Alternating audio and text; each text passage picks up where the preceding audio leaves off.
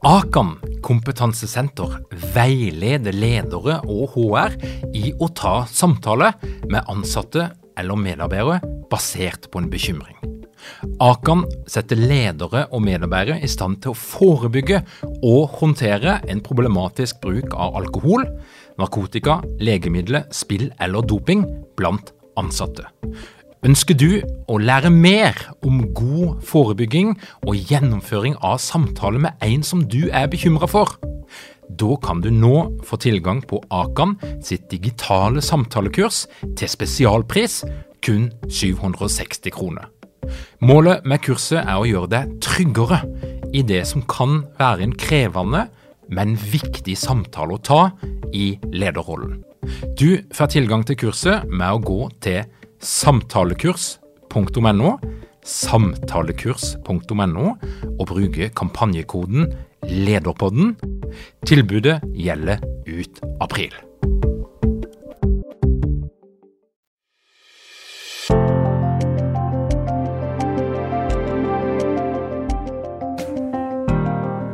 For mange så er det nå gått nesten en måned siden de ramla ut av sommerferiebobla.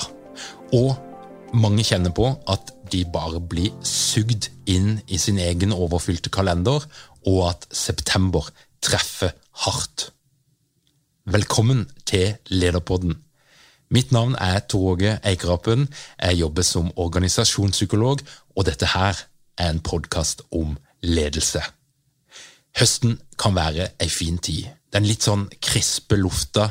Eh, det blir mørkt. Det er, det er, ting som skjer i naturen. Nydelig farge.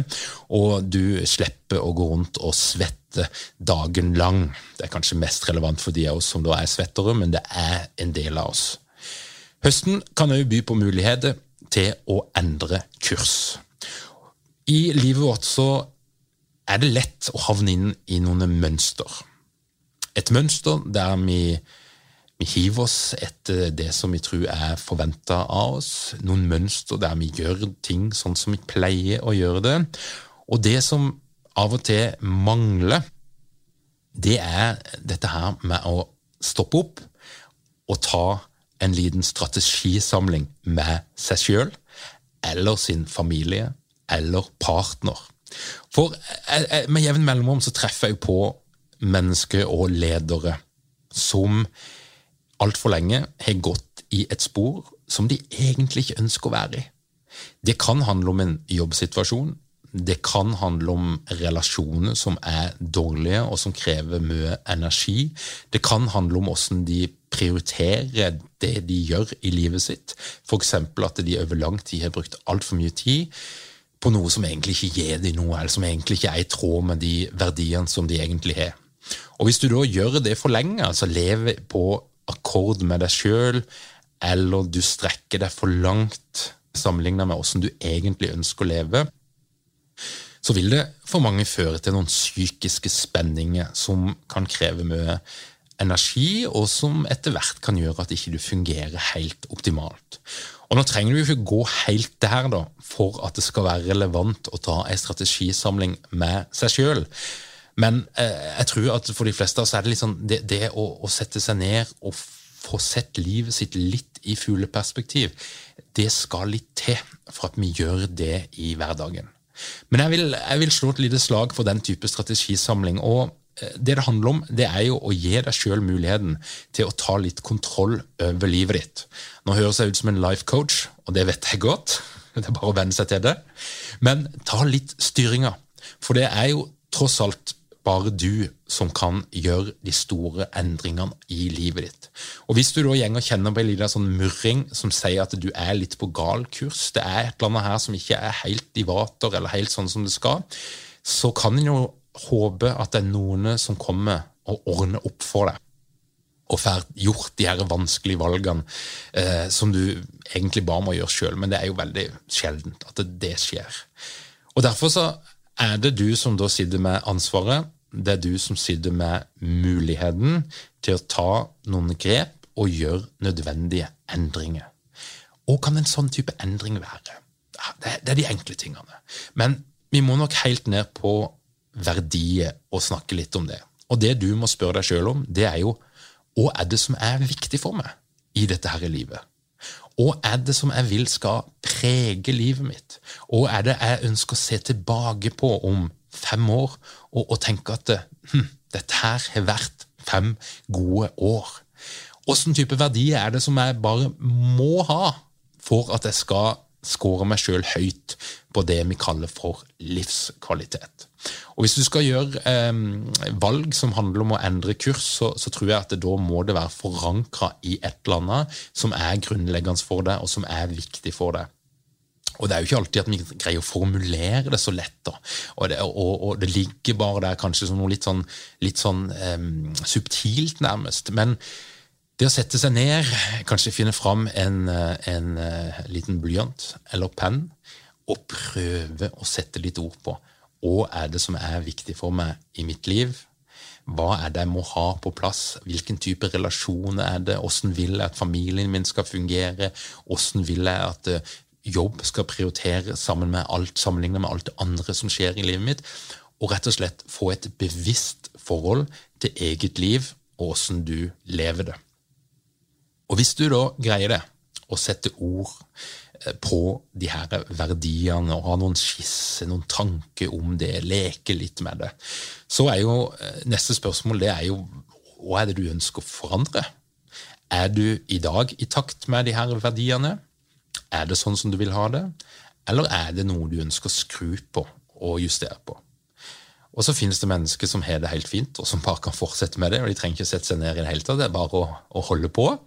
Men jeg, jeg, tror det kan være lurt å gjøre det da òg, for å rett og slett bare konkludere med at uh, dette her er sånn som jeg ønsker å ha det. Nå er jeg i vater. Jeg lever et liv der uh, jeg faktisk syns at de fleste behovene mine er oppfylt, og det er sånn det skal være. Og så tolererer vi at det er dårlige dager av og til. Men hvis du derimot kjenner at det er ting som lugger litt, og det er eh, kanskje litt ubalanse når det kommer til energi, der du bruker veldig veldig mye energi og kanskje pusher det litt for hardt, så er det muligens dags å spørre de her spørsmålene og kanskje sette seg noen mål. da. Hva er det du ønsker å endre? Hva er det du skal gjøre mer av i livet ditt? Hva er det du skal gjøre mindre av? Og neste spørsmål er jo hvilke hindringer er det som ligger i veien for deg for å oppnå dette her? Og Hvis du klarer å skrable ned noe på et ark, så vet vi det at med en gang noe er satt ord på, med en gang det er skriftliggjort, så er sjansen for at du gjennomfører det, betydelig høyere. Og dette her er jo bare begynnelsen, for det som virkelig betyr noe, det er jo aksjonene dine. Hva er det du Har ikke mange ledere uten trening eller utdannelse innen ledelse? Mangler dere en felles kultur og praksisforledelse? for ledelse? Ønsker dere å være bedre rusta for fremtidig vekst og endring? Da kan et internt lederutviklingsprogram være en god investering. I Execu så er vi eksperter på å designe og gjennomføre bedriftsinterne lederutviklingsprogram. Hvis du ønsker å lære mer om hvordan vi kan hjelpe dykken til å få enda bedre ledere, ta og klikk deg inn på execu.no.